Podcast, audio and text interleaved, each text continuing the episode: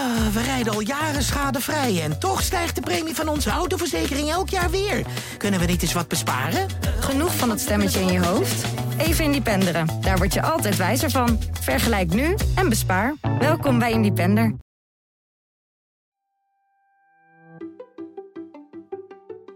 Ik denk dat, uh, dat dat moet je eigenlijk wel doen om een batterij ook een beetje te doorgronden. En, en uh, ja, anders het lukt je gewoon niet. Een batterij is een ingewikkeld ding. Welkom alle luisteraars bij weer een aflevering van de Wij Willen Zonkast, een uh, zonnepanelenpodcast van Trouw. Ik zit uh, wederom aan de keukentafel bij Vincent Dekker, waar ik inderdaad wederom net een cappuccino op uh, gezet op zonne-energie achter de kiezer heb. Um, en vandaag gaan wij het hebben over batterijen, over thuisbatterijen. Thuisbatterijen die misschien wel kunnen ervoor zorgen dat die zonne-energie die, die u van het dak haalt nog efficiënter kan worden ingezet. Uh, daarover praat ik met Vincent Dekker natuurlijk, uh, sinds jaar en dag uh, de zonnepanelen-columnist van Trouw. En we hebben dit keer ook een speciale gast in de aflevering, Brendan de Graaf. en hij heeft het setje batterijen hoogstpersoonlijk bij Vincent hier onder de trapkast aangesloten. Of, Klopt. was dat niet Brendan ja. zelf? Ja, nee, dat was Brendan zelf met een medewerker. Ja, ja, zeker. Okay, ja. Daar gaan we het zo meteen over hebben. Brendan, welkom. Vincent, dankjewel voor de koffie. Dank, graag hey, ik bedacht me net, Vincent, dat deze podcast natuurlijk ook nu hier bij jou in Bergen aan de keukentafel zit, uh, op zonne-energie wordt uh, opgenomen. Klopt, ja. ja Komen 100% energie-neutrale uh, podcast. Uh, vandaag denk ik gaat dat goed lukken, want het is behoorlijk zonnig buiten. Dus ja, er komt flink wat stroom nu van het dak. Ja, nou, dat ja. is toch een leuk, een leuk extraatje. Leuk ja. hey, wij gaan het hebben over, over batterijen. Um, luisteraars van deze podcast weten al, ik heb het er al eens kort over gehad, over de, de, de omvormer en het stapeltje batterijen wat hier om de hoek bij jou onder de trap staat. Um, waarom, waarom heb je die nodig, die batterijen? Waar gebruik jij ze voor? Nou, uh, mag ik beginnen met waarom ik er ooit aan dacht om ze te gaan gebruiken? Want uh, mijn uh, lezers weten misschien wel dat ik in, nou, ik denk 2011, 12 uh, voor het eerst over batterijen ging schrijven. Want ik wilde niet alleen van het gas af, ik wilde eigenlijk ook eens zelfstandig worden wat de stroom betreft. En ik denk van, nou, als ik nou goede batterijen heb, dan kan ik straks in de winter, als er minder zon uh, staat en de panelen minder leveren, kan ik op die batterijen door de winter heen. Nou, dat bleek al heel gauw. Daar hielpen mensen mij uit de droom. Joh, dan heb je zo verschrikkelijk veel batterijen voor nodig. Dat gaat helemaal niet lukken. Dus uh, daar moest ik van afstappen. Dat zou denk ik ook een batterij van een paar ton hebben gekost om dat te realiseren. Nou, dat is niet, niet echt ja, handig. Je maakte een rekensommetje ooit. Dus van uh, ja. het, het, het, de droom was inderdaad in de zomer zoveel uh, elektriciteit opwekken. Ja, ja. Dat kunnen opslaan, zodat je van, wat was het, oktober tot maart Zoiets, ja, energie-neutraal zat. En daar heb je... Ja, geld had je daarvoor nodig? Nou, je kunt het simpel uitrekenen. Hier, hier heb ik een kleine 10, 10 kilowattuur per dag gemiddeld die ik verbruik. In de zomer minder, in de winter ietsje meer misschien, maar het zal niet veel schelen. Dus uh, als je pakweg vier maanden hebt uh, waarin je zeg maar, van het batterij afhankelijk bent, dan heb je dus uh, 120 dagen keer 10 is 1200 kilowattuur opslag nodig om die winter door te komen. En ga er nou eens vanuit dat 1 kilowattuur je toch gauw nou, 300, 400 euro kost. Brennan kan het misschien beter straks nog worden. Het, nu zijn ze nog duurder overigens. Maar goed, laten we ervan uitgaan dat ze op de duur wat goedkoper worden. Maar ja. dan heb je het toch over investeringen van tonnen. Ja, en precies. eigenlijk is dat gewoon heel zonde van je geld. Ja, dus voor consumenten is dat ook, dat is natuurlijk nooit terug te verdienen. Nee, dat is nooit terug te verdienen, maar dat is ook eigenlijk achteraf gezien niet echt een slimme oplossing. Nee. We gaan het zo meteen uh, nog hebben over, over de batterijmarkt en of het misschien op den duur wel uh, rendabel uh, gaat worden. Maar toch heb je nu een setje staan. Als Ja. jij het niet gebruikt om in, de, in de kille winterdagen je koffie van te zetten, waarom, uh, waarom staat er toch zo'n uh, pakketje batterijen hier? Nou, dat heeft uh, twee voordelen, die batterijen. Enerzijds kun je de avond en de nacht doorkomen, want dat lukt wel. Dan heb je nou 4, 5 kilowattuur voor nodig. En s'nachts gebruik je bijna helemaal niks. Dus die, die paar donkere uren in de avond en s morgens vroeg, dat red je met die batterijen mooi. Dus dan heb je eigenlijk wel op zeg maar, dagen in, in maart tot en met oktober, denk ik, dat je gewoon overdag van de zonnepanelen leeft en uh, s'nachts van je batterij. Dus dat zou al, dat is al een heel leuk begin. En uh, daarnaast helpen die batterijen om de stroom die van je zonnepanelen komt op het heetst van de dag, zeg maar als het meeste zon schijnt, dan komt er heel veel stroom het net op. Want die, dat gaat nu zeg maar niet allemaal bij jou gebruikt worden. Dat gaat voor een groot deel het net op. Ja. Dat geldt ook voor de panelen van de buren en de overburen. En dat bleek dus bij mij in de straat al gauw... dat die panelen samen van al die buren hier in de straat... te veel stroom gingen leveren.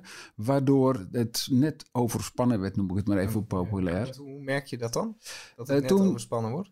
Eh, dan gaat jouw omvormer automatisch uitschakelen. Want eh, ja, het is niet de bedoeling dat je een te hoge spanning op het net krijgt. En dan zijn ze beveiligd. En dan, nou ja, dan houdt het even op. En dan zie je terug op je grafieken van de dag dat je hele rare momenten krijgt dat er geen stroom wordt geleverd om een of andere reden. Dus dan zijn je zonnepanelen niks aan het doen. eigenlijk. Dan zijn ze eigenlijk aan het stilstaan, niks aan het doen. Ja. Ja. Ja. En hoe, was dat, eh, hoe is dat probleem te ondervangen? Want nog eventjes resumerend. Er wordt gewoon te veel stroom teruggeleverd aan het straatkastje, zeg maar. Ja, dat, ja. Het probleem, het bottleneck, is vooral het dunne draadje geweest. dunne draadje Ja, in, de, ja. in de straat. Of, In de straat, ja, ja, precies. En dat merk je ook, eh, dat lees je nu ook veel over grote zonneweiden die er in Nederland verschijnen. Die hebben een probleem om de stroom kwijt te kunnen, omdat daar ook geen dikke kabels in de grond liggen in een weiland, zeg maar. Dan moet je die eens daar naartoe trekken en zo. Eigenlijk, hoe meer, ik kan me voorstellen dat nieuwbouwwijken dat daar wel een beetje rekening mee wordt gehouden. Maar hoe Dat meer mensen ja. zonnepanelen op hun dak gaan leggen, hoe groter die bottleneck wordt. Ja, dat klopt. Problematischer die Ja, bottleneck ja, wordt eigenlijk. Dus mijn eerste reactie was toen ik dat merkte van... hé, hey, eh, we hebben hier een overspannen net, zal ik maar zeggen. Ik bel Liander, onze netwerkmaatschappij in deze buurt. En eh, ik zeg van jongens, er moet wat gebeuren, want ja, het gaat niet meer goed hier. Nou, dat hebben ze gecheckt en gecontroleerd. En ja, ja, ik had gelijk, er moest wat gebeuren. Nou, ze hebben het beloofd en ook gedaan. Er kwam een dikkere kabel in de straat. Ja.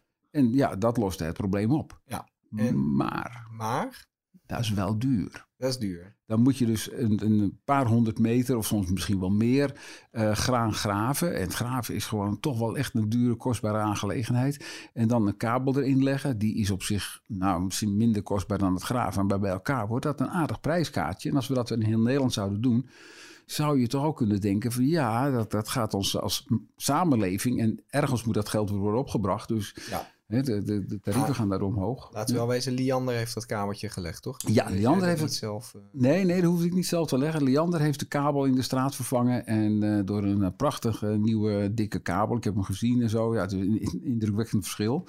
Dus voor de voorlopige toekomst, jaren, tientallen jaren of misschien langer, hebben we een goede kabel hier in Ja. de straat liggen. Ja. Maar Maar, terwijl ik daarmee bezig was, meldde zich dus eh, Brendan de Graaf van... joh, eh, wij, wij kennen elkaar al. Eh, ik heb ook wel een oplossing voor je. Want als jij nou een batterij neemt in huis... dan kun je op het moment dat jouw zonnepanelen heel veel stroom leveren... die stroom aan de batterijen leveren en niet aan het net. En dan ontlast je het net. Brendan, eh Brendan de Graaf, die is bij ons. Eh, niet lijfelijk aanwezig, maar hij zit eh, via mijn laptop eh, zit in de vensterbank. zodat hij ons allebei kan zien hier. Eh, wegens coronamaatregelen dachten we, we, we gaan zoveel mogelijk een beetje op afstand nemen. Ehm Brendan de Graaf is duurzame ondernemer. Hij stond al drie keer in de duurzame top 100 eh, van Trouw. Hij werd ook eens onderscheiden met de Koning Willem I Award voor duurzaam ondernemen. En eh, hoogleraar eh, transitiekunde eh, Jan Rotman, Rotmans noemde hem ooit eh, koploper. Koploper waarin eigenlijk, Brandon? Innovatie en duurzame ontwikkeling. Kijk. Ehm, Dus, en dat ben je allemaal nog meer naast een eh trouw lezen van de columns van Vincent, begrijp ik. ja, ja, ook dat ja. Ik begrijp dus net dat je daadwerkelijk hier die batterijen ook persoonlijk hebt aangesloten, Brendan. Ja, dat klopt helemaal. Wij hebben Vincent gevraagd of hij mee wil doen in een test. Eh, en de test was in dit geval vooral bedoeld, kunnen we de spanning eh, die te hoog werd, wat net beschreven is, kunnen we die verlagen met een batterij. Eh, we hebben zo meerdere plekken testen gedaan in Nederland met batterijen. En ja, het, het gevolg was inderdaad dat de spanning dusdanig daalde dat, er, dat de omvormer veel minder vaak uitsloeg. Dus dat de zonproductie op peil bleef. Ja. Hey, ehm, kan je kort wat, eh, kort wat vertellen over hoe jij, eh, hoe jij eh, van duurzaam ondernemer in de batterijen bent gegaan? Dat is een heel raar verhaal. Ik ben eigenlijk loodgieter. Dat gelooft bijna niemand. Maar ik ben installateur. en sterker nog, ik ben hartstikke dyslectisch installateur. Ehm, en ik ben eigenlijk per ongeluk de energiewereld ingerold met de oprichting van een lokaal energiebedrijf. Dat was Tesla Energie. Uh, daar heb ik uiteindelijk mijn uh, installatiebedrijf wat ik had, uh, heb ik gestopt. en na de oprichting van Tesla Energie heb ik een, een, nationaal opererend energiebedrijf helpen oprichten. Dat was de Unie om. En daar hadden we 100% duurzame stroom uit de achtertuin. Dus alles wat we nu willen, daar waren we al een tijd mee bezig. En daar zagen we echt een paar flinke uitdagingen rond duurzame energie het komt als je het niet nodig hebt en als je het uh, nodig hebt, dan is het er niet. En ik heb me met dit nieuwe bedrijf LIV heb ik het ten doel gesteld om technische oplossingen te vinden voor eigenlijk de ja, wat minder positieve kanten van duurzame energie. Ja, dus, dus uh, LIV, uh, je bedrijf, die leveren dus niet alleen batterijen. Correct. Um, wij zijn een bedrijf wat uh, vraag en aanbod stuurt om uh, stroom uh, op elkaar af te stemmen. Daarmee bijvoorbeeld het net te ontlasten of de balansposities van energieleveranciers kloppend te maken. Ja, en die problemen die we zojuist in de straat van Vincent die we beschreven. Hè? Iedereen opeens aan de zonnepanelen dit zijn, uh, wanneer zal deze straat zijn gebouwd? De huizen hier? Uh, dit is uit 55. 55, 55 ja. Nou ja. Dunne kabeltjes in de straat. Ja, ja, ja. ja. Um, daar heb jij een oplossing voor. Ja, daar hebben we mede een oplossing voor. Hè. Uh, en dat is inderdaad enerzijds gaan kijken wanneer kun je nou die stroom zo gunstig mogelijk betrekken.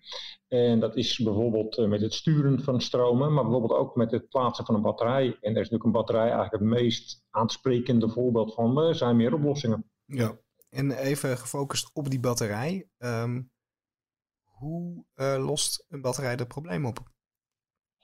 Ja, wat specifiek het probleem bij Vincent, hè, dat was dat de spanning te hoog opliep. Ja. Uh, dat komt omdat al die zonnepanelen van al Vincent's buren, die staan maar stro stroom het net op te persen die niet gebruikt wordt. Nou, dat is gewoon een, een, een, eh, fenomeen, daar stijgt de spanning. Dus op het moment dat je die stroom niet meer het net gaat oppersen, maar dat je die kan opslaan, ja, dan heb je in ieder geval een, uh, één zonneinstallatie minder die dat probleem veroorzaakt. Ja, dus eigenlijk redelijk simpel. als je die stroom kan, zelf kan gebruiken of kan opslaan, dan is dat spanningsprobleem direct verholpen. Ja, precies.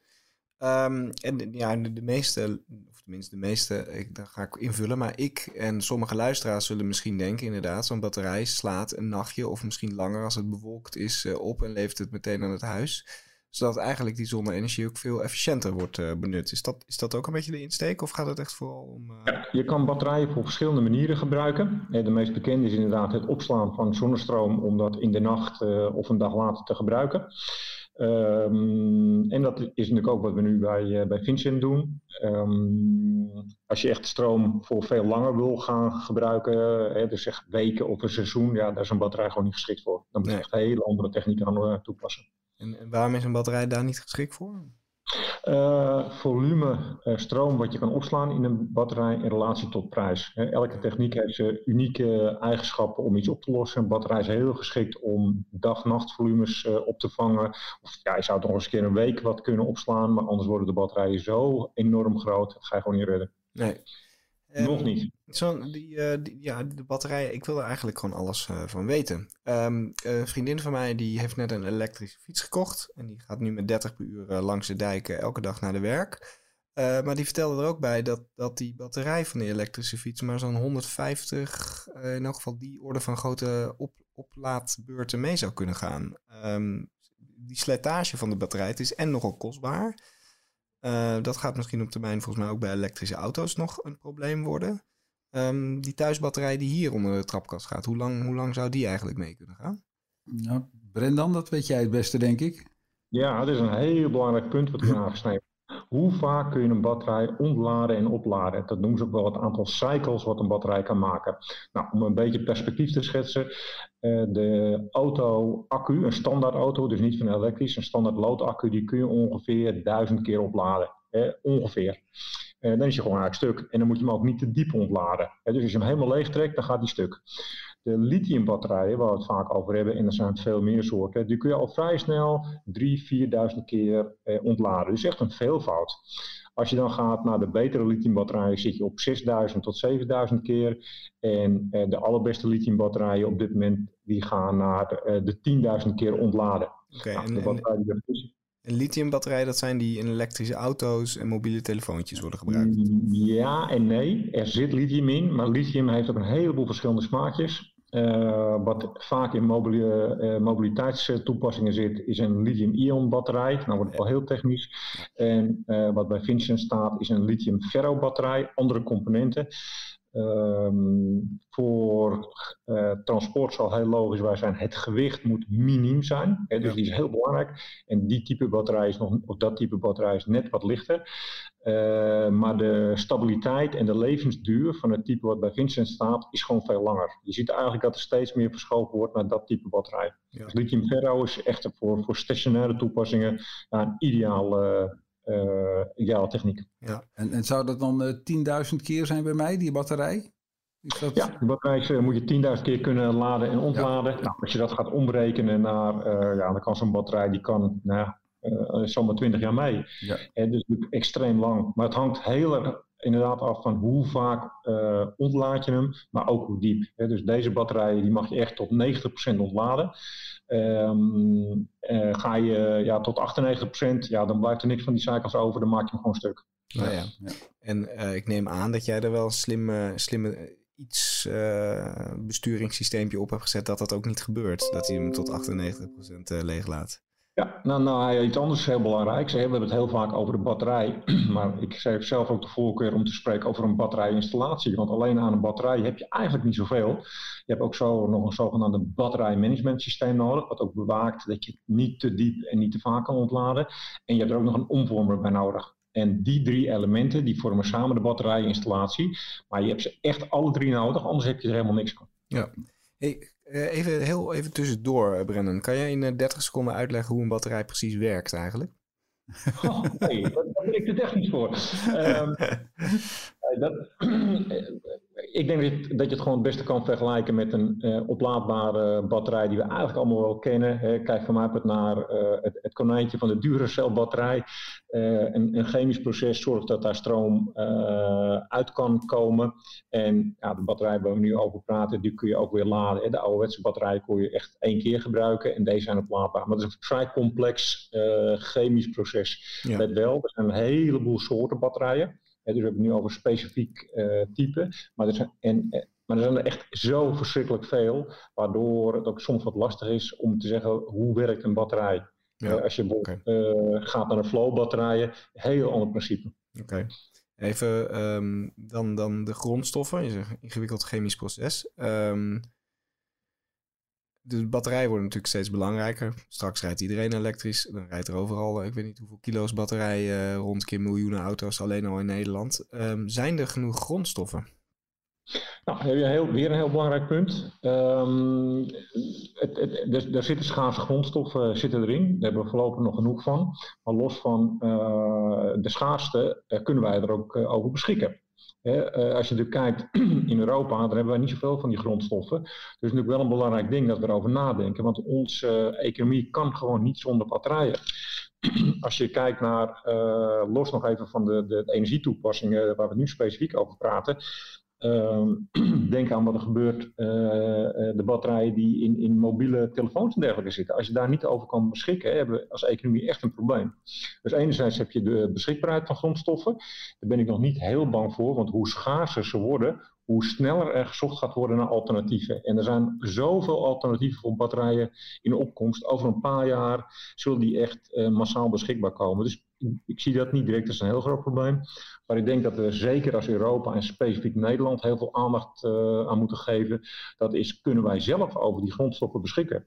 Want die grondstoffen, die grondstoffen die zitten nu veelal in mijnen in Afrika? Of, of is dat een cliché? Ja, uh, als, ja, als je gewoon heel plat kijkt, dat uh, Europa heeft nauwelijks tot geen batterijindustrie. de grondstoffen ja, die komen van continenten waar wij over het algemeen niet zoveel grip op hebben. Wat je eigenlijk ziet, batterijen komen allemaal uit Azië vandaan. Um, los van dat de prijs over het algemeen vrij goed is, is ook de techniek in Azië best wel goed ontwikkeld. Dus als je ook kijkt naar. Ik durf wel te stellen dat we in Europa een achterstand hebben met batterijen ten opzichte van Azië. Um, in Nederland lijken we daar nog weinig aandacht voor te hebben. Uh, ons omringende landen hebben daar meer aandacht voor. En daar zie je ook dat met name de Europese Unie best wel het budget beschikbaar gesteld heeft om die achterstand in te halen. Nederland haakt daar nog niet bij aan. Je, je noemde net uh, mogelijke alternatieven in de toekomst. Wat, wat voor alternatieven? Hebben we het dan over alternatieve grondstoffen of alternatieve batterijtechnieken? Of, Allebei. Als je gaat kijken naar de, de, de opslag die we nu hebben, want eigenlijk hebben we het er gewoon al breed over opslag. Um, ik noemde net al heel kort even een flow-batterij. dat gaat met het verplaatsen van vloeistoffen. Daar verwacht ik zelf heel veel van. Uh, je kan uh, ook energie opslaan in kinetische energie. Hè, door een uh, apparaat te laten ronddraaien en daar stroom uit te trekken. er zijn jong nog in ontwikkeling, maar er zijn ook batterijen die op zout water kunnen werken. Dus zo zie je eigenlijk een heel spectrum aan technologieën die er of al zijn of er aankomen. En dat is waarom ik niet zo heel bang ben voor een groot tekort aan grondstoffen. Want hoe groter dat tekort zal zijn of verwacht wordt, hoe sneller er gefocust zal gaan worden op alternatieve producten. Ja, ja. Um, ik, wil, ik wil weer even terug naar de thuisopstelling uh, van Vincent, die uh, eventjes uh, emblematisch is voor alle thuisopstellingen. um, stel, ik wil straks, ik heb straks zonnepanelen op mijn dak liggen en ik wil ook s s'nachts op zonne-energie um, I don't know, de koelkast draaiende laten houden. Dat, dat kost op dit moment wel wat volgens mij. Zo'n, uh, stel een, redelijke zonnepaneleninstallatie is 5 tot 10.000 euro op je dak. Hoeveel ben je voor een batterij kwijt? Nou, daar heb je ook wel een batterij voor. Maar uh, reken maar uh, ja, ergens tussen de 4 en de 10.000 euro ben je zomaar kwijt voor een ja, batterij. Precies. Het zijn, echt, het zijn echt nog serieuze bedragen. Precies. Ja. dus ik wil er ook gelijk bij zeggen dat um, eh, batterijen zijn nog relatief jong in de ontwikkeling. Hè. Ondanks alle marketing die we er nu omheen zien. Het is gewoon nog een jong product. Ik verwacht dat daar de komende jaren ook nog wel een uh, verdere daling zal plaatsvinden.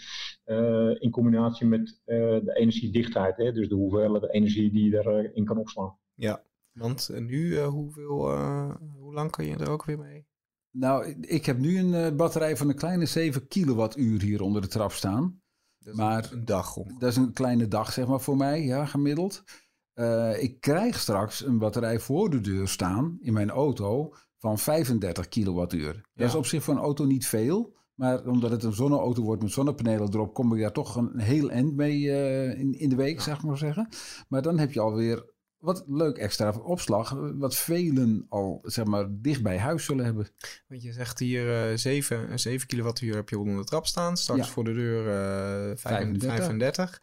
Um, een gemiddelde elektrische auto en bijvoorbeeld een, Tesla, ja, niet helemaal gemiddeld, maar nou, je nou, veel rijden. Nee, maar ook de, de nieuwere Volkswagen zo zo'n 60 kilowattuur ongeveer, denk ik. Dus daar kan je wel een, een aantal dagen je huis van... Uh... Als je die auto niet zou gebruiken, je hebt hem puur voor de deur staan, uh, zeker zeg maar, als je hem het weekend niet gebruikt, kun je het hele weekend doorkomen. Dus als je een slimme omvormer en, die, en een slimme laadpaal, die ga je ook nodig hebben. die heb je ook nodig, ja. Dan zou je in principe je auto als thuisbatterij kunnen hebben. Ja, ja die kan daar zeker een rol in spelen. Ja. Dus dat is de toekomst. Dat stel ik me zeker voor. Ik denk dat de hele wereld daar wel aan werkt. Dat zogenaamde vehicle to grid heet het dan. Hè, van een uh, voertuig naar het uh, net.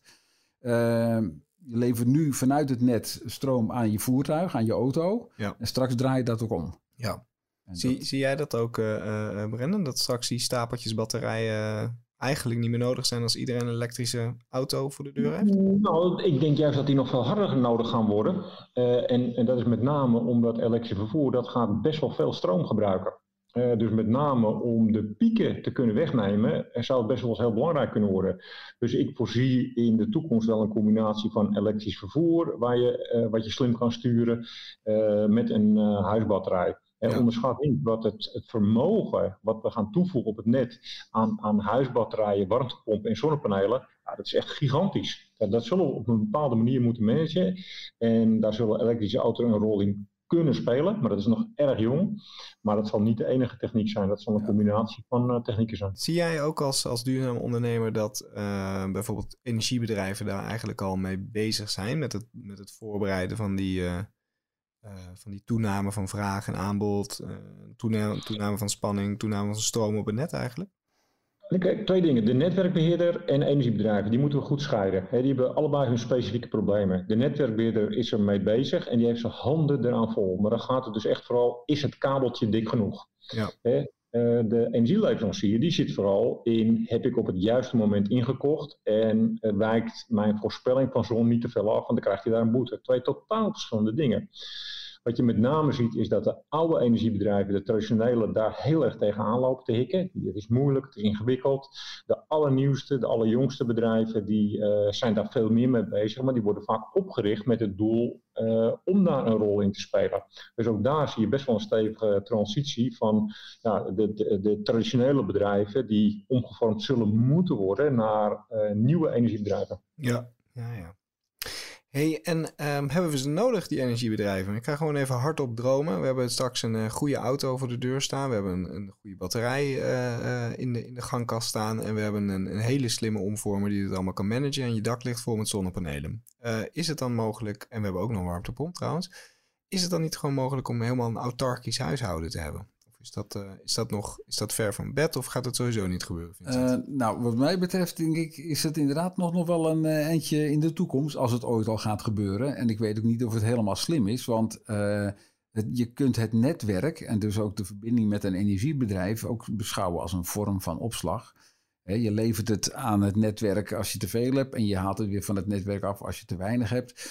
Je kunt dat in het klein gaan doen, misschien door straks met je buren een eigen lokaal netwerkje te doen. Dat gebeurt al af en toe, is experimenteel nog. Maar of dat het helemaal op gaat lossen, vraag ik me ook weer af. En ik denk dat er toch uh, zeg maar op hele mooie dagen heel veel stroom geleverd wordt die via het netwerk naar een industrie gaat, bijvoorbeeld die veel stroom nodig heeft. Terwijl jij uh, op een zomerdag bijna geen stroom gebruikt, want een hele dag licht en uh, ja, je, je, hebt wat voor het koken nodig, maar geen verwarming en zo. Dus uh, ja, om, om die, die uh, stromen van uh, opwek en verbruik goed op elkaar af te stemmen, zul je denk ik toch een soort van netwerk nodig hebben met daarbij energiebedrijven die voor jou dat regelen. Ja, dus die droom die is een beetje naïef van mij, dat, het, dat we met een goede batterij en een slimme meter los kunnen. Nou, kijk, het zal veranderen. Maar je moet je ook de vraag stellen van, uh, moet je los van het net willen? Hè? Uh, als je kijkt naar het voordeel wat we hebben van het netwerk waar we allemaal mee aan elkaar gekoppeld zijn, dat is best groot. En ondanks dat we nu best wel wat problemen met het netwerk hebben, hebben we in Nederland nog steeds een heel goed uh, energienetwerk. Moeten we niet vergeten. Dus als iedereen individueel zijn eigen energievoorziening zou willen regelen, ja, dan die, die kosten die, die, die tien, misschien wel verdertigvoudigen. Dus het is financieel helemaal niet aantrekkelijk. Nee. Um, maar daarentegen zal het, dat was ook een deel van de vraag, hè, uh, zal de rol van het traditionele energiebedrijf zal echt veranderen. En je kan je echt afvragen, als je een stap in de tijd maakt, uh, pak tien jaar, kennen wij de energiebedrijven zoals ze nu zijn, kennen we die dan nog? Ik betwijfel het. Hè, uh, de, de, traditionele rol van energie verkopen. Ja, je hebt heel veel energie op je dak, dus het zal veel meer richting energiemanagement gaan. Dat, ja, is mijn... Ja. En, en een, een ding wat wij nog niet hebben eh, besproken is volgens mij, waar ik eigenlijk zelf ook een beetje op hoop, is dat ik rijk word dankzij mijn batterij. Want wat ik zou kunnen doen is, uh, als ik dus eh, veel zonnestroom binnenkrijg, dan sla ik het op in mijn batterij. Maar in de winter is dat niet. Maar in de winter kan ik bijvoorbeeld, als er s'nachts weinig stroom nodig is voor wie dan ook, maar het wel aanwezig is op het net, kan ik het heel goedkoop inkopen, sla het op op de batterij. En s'morgens tijdens de ochtendpiek is er veel stroom nodig. Is die stroom drie keer zoveel waard dan wat ik ervoor betaald heb s'nachts en lever ik terug. Kan je dan niet die 10.000 euro voor die batterij terug gaan verdienen? Nou ja, dat, ik denk dat dat een rekensommetje op den duur, die, die 10.000 wordt minder. En de mogelijkheid om het te gaan verdienen daaraan, die gaat daar komen, geheid. Ja. Dat, ik denk dat er nu al energiebedrijven, nieuwe, zoals uh, Brendan ook zegt, zijn die dit uh, gewoon leveren als dienst. Ja. En uh, dan, dan ga je gewoon aan je batterij verdienen. En dus ja. ook aan je autobatterij eventueel. Hey, nog even voor de duidelijkheid, Brennan. Jij zit dus, batterijen is, uh, die lever je, maar dat energiemanagement systeem, dat is echt waar de echte uitdagingen zitten voor, jou, uh, voor jouw bedrijf, als ik goed begrijp. Ja, en, dat klopt. Um, wij, wij zoeken het echt, uh, wij ontwikkelen energiemanagement uh, systemen om vraag en aanbod uh, af te stemmen. batterijen zijn natuurlijk een heel begrijpelijk medium voor, maar het kan bijvoorbeeld ook zo zijn, stuur een warmtepomp op het juiste moment aan of stuur een boiler op het juiste moment aan. En dan kun je ook die energiestromen, die kun je gaan sturen. als je bijvoorbeeld kijkt naar een gemiddeld huishouden die hun eigen stroomverbruik van zonnepanelen ligt tussen de 10 en 30 procent. Dat is natuurlijk extreem laag. Ja. Nou, als je gaat sturen uh, met batterijen en boilers, noem het maar op, dan kun je dat verhogen tot, nou ja, een beetje afhankelijk hoe ver je gaat, tot 80%. Uh, daar zullen we ook gewoon naartoe moeten. Het is niet de vraag of gaan we dat doen, het zal gewoon moeten, want dat is onhoudbaar om door te gaan op de manier zoals we het nu doen. Want nog even um, die 10 tot, wat zijn het, 10 tot 30 procent eigen stroom, omdat, omdat zo'n groot deel van die zonne-energie eerst aan het net terug wordt geleverd en dan via een omweg weer terugkomt, wat allemaal extra veel belasting voor het, onnodige belasting voor het netwerk is. Dus als ik het goed begrijp. Ja, er zijn twee dingen. We zitten natuurlijk op dit moment uh, in, een, in een stevige energietransitie en Nederland is bezig met een inhaalslag. Je ziet een enorme toename aan uh, zon-PV en er komt nog gigantisch veel aan. En het is inderdaad zo dat die zon wordt heel vaak niet uh, afgenomen op het moment dat, dat die geproduceerd wordt. En zeker bij huishoudens niet. Nou, uh, dat, dat, dat gaat gewoon onhoudbaar worden. Ja. daar moeten we echt wat mee. Dus je ziet enerzijds dat dat net zwaar overbelast raakt, dat zien we nu al. En aan de andere kant zien we dat de onbalanspremies, uh, ja, die worden steeds volatieler uh, door dat, dat ja, grillige karakter van deze energievorm. Ja. Deze, de, aanpak hiervan, want het, uh, hoe langer we hierover praten, over dit soort onderwerpen, hoe meer ik een beetje het beeld krijg van dat de banden van een rijdende vrachtwagen worden verwisseld zonder dat die uh, stilstaat eigenlijk. Hè, die hele uh, die energiebedrijven blijven doordenderen, maar er moet een, ja, wat je net zei, ze, ze veranderen van rol. Um, tegelijkertijd zijn het ook vooral um, ja, eenpitters, mensen die hun huishouden, zoals Vincent, hun eigen huishouden aan het verduurzamen zijn. Iedereen doet maar wat, zou je dan kunnen zeggen. Um, is daar al wat, wat centralere sturing voor? Of is die nodig, denk jij? Of, of hoe, uh... um, ja, kijk, als je, als je kijkt naar uh, Nederland, ondanks alle kritiek die we hebben, we hebben een ongekend mooie democratie. Echt ongekend mooi. Echt niet, heel veel mensen zullen het niet met me eens zijn, maar we hebben overal inspraak op. En dat is bijna nergens in de wereld zo. Uh, dat is prachtig, maar als je snel iets wil regelen, dan is dat niet zo'n handig systeem. Um, dus eh, als je kijkt naar de urgentie van uh, de energietransitie, we moeten eigenlijk in een hele korte tijd moeten een enorme verandering moeten we te werk brengen. Ja, uh, los van of het haalbaar is, laten we heel extreem stellen, een kortdurende deeltijddictatuur zou een stuk makkelijker zijn. Dat iedereen gewoon moet luisteren naar dit moeten we doen. ik denk niet dat het haalbaar is. Maar, nee, ik stem tegen hoor. ik, ik, dacht ik al. Maar is natuurlijk, deze energietransitie uh, die gaat nog enorm veel vragen oproepen. Los van of het ook echt weerstand is. Mensen hebben gewoon soms moeite met verandering. Um, ja, en, en ik denk dat we in Nederland af en toe wel heel erg ver gaan met het proberen willen uitleggen, uh, deze complexe zaken. Op bepaalde momenten moet je als overheid, denk ik, gewoon zeggen: jongens, zo gaan we doen en is het af. En ik denk dat dat onder andere geldt voor uh, uh, bijvoorbeeld energiebesparing en dergelijke. Ja, daar ga je nooit uitkomen. Hoe lang was de discussie niet? Moeten we van het gas af? Totdat op een gegeven moment de minister zei: we gaan het gewoon doen. Dus die energietransitie die vraagt echt om, om, uh, om moedige besluitvorming. En dat is in een democratie niet altijd even makkelijk. Eigenlijk vind ik dat een uh, heel uh, mooi punt om, om, om, met deze oproep een beetje te gaan afronden. Ehm, Brennan de Graaf van, van Liv Batterijen, zeg ik het goed? GetLiv. Hoe heet je bedrijf eigenlijk, Brennan? We heten Liv en GetLiv is ja, de domeinnaam. Maar ah ja, dat was het. Dankjewel voor je tijd. Uh, Vincent Dekker, uh, nogmaals uh, wederom bedankt voor de cappuccino hier aan de keukentafel. Luisteraars, bedankt voor het luisteren naar weer een aflevering van de Wij Willen Zonkast, een zonnepanelen podcast van Trouw. Um, hou ons in de gaten, blijf ons volgen. We komen nog te spreken over elektrisch vliegen. We gaan nog een keer spreken over elektrische auto's. We gaan misschien nog wel een keer spreken over batterijen. We gaan nog een keer spreken over al die uitdagingen waar we het zojuist over hebben gehad met Brendan. Um, volg onze podcast via uh, trouw.nl slash wij willen zon. We danken jullie voor jullie tijd en we wensen jullie nog een hele zonnige dag.